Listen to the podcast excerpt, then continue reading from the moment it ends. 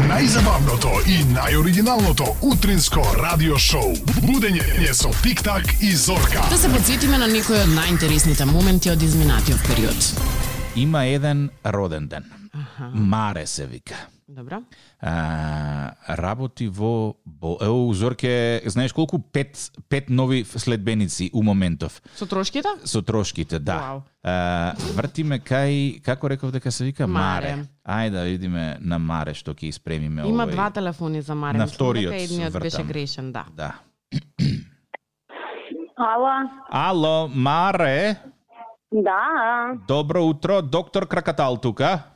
Кој? Доктор Кракатал, јас сум нов кај вас. Од денеска почнувам, прв ден, епидемиолог, Добро. да ги доведеме работите под контрола малку, бидејќи се е неконтролирано кај нас. А, кажи ми, зошто кабинетот не ми е среден? Вие требаше да го средите. А кај имате кабинет? На шести спрат, третата канцеларија од десно. На шести спрат? Да. Нема јас... Како сум- јас, како јас да прегледувам пациенти, господје, кога мене кабинетот не ми е среден? Нели добивте Ама допис јас дека сум треба доле, да стасам извинете, денеска? Чекај, јас сум доле у подрум, на брахи. Ја не сум горе. А кој е Јас горе, сум кај- господјо Маре? Мене ми рекоа Маре треба да се погрижи за мојот кабинет. Како може нов реномиран доктор како мене да дојде на оваа клиника, а потоа да не ми е ништо средено тука, Маре? Па по кого јас да викам? Јас Па се прв ден ли дали да извинувам, викам јас, Маре? Јас се извинувам, значи доле у подрум работа. Маре, дали јас да дојдам во подрум, дали има соодветна канцеларија за мене доле во подрум? Ако нема на шести кат, не е проблем. Јас можам и во подрум да Ама бидам. ние немаме шестика, ние ти- трети имаме само. Па добро, таму најгоре веќе долго време по тие скалите, мислев шест ката дека се качив. На трети сум, значи. Втората Па не канцеларија знам, од ајде лево. Ги прашам, јас извинувам колешките, ќе ги прашам, не, јас денеска прв ден не знам. Па и јас мене сум ми е доле прв во- ден, Маре, па нели е тоа знак дека на 20-та ни е прв ден денеска во оваа институција и вака се спојуваме по, по, по сила на приликите. Добро, ајде ќе прашам. Маре, Да. дали јас сум ќе прашаш? Мара, ама- Чекај Да, ама, сега, еве ќе- м- мојата главна сестра нешто сака да ти каже. Сестро, повели. Happy birthday to you. Happy birthday to you. Маре, среќен роден ден. Фала, фала. Значи овде немаме доктор, ама затоа го имаме тик-так во улога на доктор, а, од другата страна на микрофонот Зорка. А, честитката ти е од твоите колешки. Само секунда да видам еден тон колешки имаше. Да ги најдам по име. Е, Лиле, Цаци и колешките. Лиле Цаци и сите колешки. Да, фала многу. Ништо. Да, те збунивме, нели? Јас се збуних за тоа. Каков камбек на работа. И тоа од Сабајле од 8.40. Да, да. Има ли вакви доктори како овој што го изглуми тик-так? Или сите се фини и Нема. културни? Нема. Нема. Затоа и се Нема. збуни. Не те пуштаме тебе на клиника. Никако. Никако. А, Нема, се надевам нема. дека ти го разбавивме денот. Поздрав од твоите колишки кои што е, сака на најуникатен начин да ти го честитаат роденот и се надевам дека ќе уживаш во денот. Да, да. Фала многу. Прекрасен ден. Чао, чао. Чао, чао. Ако сакаш нешто вакво слично, 079-274-037 или е, на Инстаграм Тик-так и Зорка или на Фейсбук Тик-так и Зорка. Добро утро.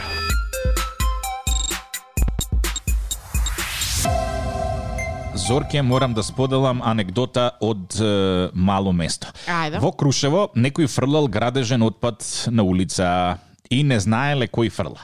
Ајде де. Мислам, колку е тешко у место како Крушево да знаеш и да видиш кој реновира. Па таму се знае, бре, кој кога влегува, кој што јаде, кој кога излегува, кој каде пие кафе. Никој да не примети дека некој реновира.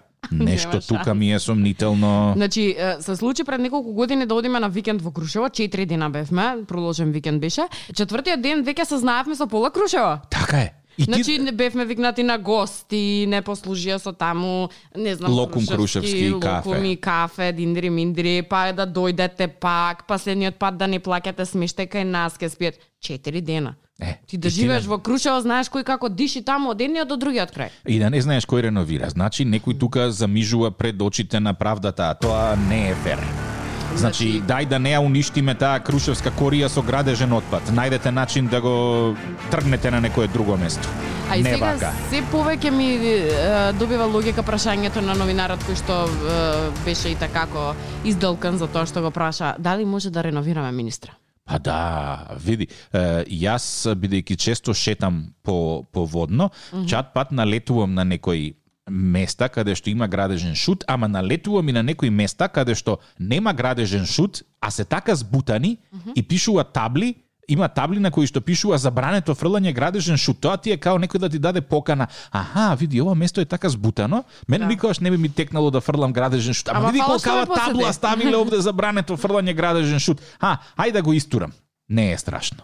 Мислам, дај, те молам. Е, Водно ја изгуби во секој случај смислата на тоа е, какво беше предходно, уште со самото тоа почнување на градење на патишта, а, кога го, да речем, изрушија и олјуштија половодно, некако веќе ја изгуби својата смисла. Е, порано кога ќе се качиш до средно водно, имаш чувство, бре, дека си на планина, дека си далеко од центарот, од гужвата, од, од хаосот. Сега кога ќе се качиш на водно, си исто како да, што знам, како да си некаде понастрана од центар, да речем. Па да, ама тоа е тоа, едноставно мора да се да се турка напред и да се прилагодуваме кон тоа што ни се случува. Скопска Црна Гора, да кажам, не е пипната во тој поглед, ама прашање е само до кога. Па не знам, од X причини таму и цената уште не е рипната, а мене ми се допаѓа. Ќе Заради видиме. тоа што веројатно малку подолго време ти треба да стигнеш до Скопска Црна Гора, наместо до Волно, каде што, да речеме, од овде, од каде што сме ние во моментов, за 10 минути ние сме веќе на, на Волно. Добро утро. Со вас е Тик-так и Зорка.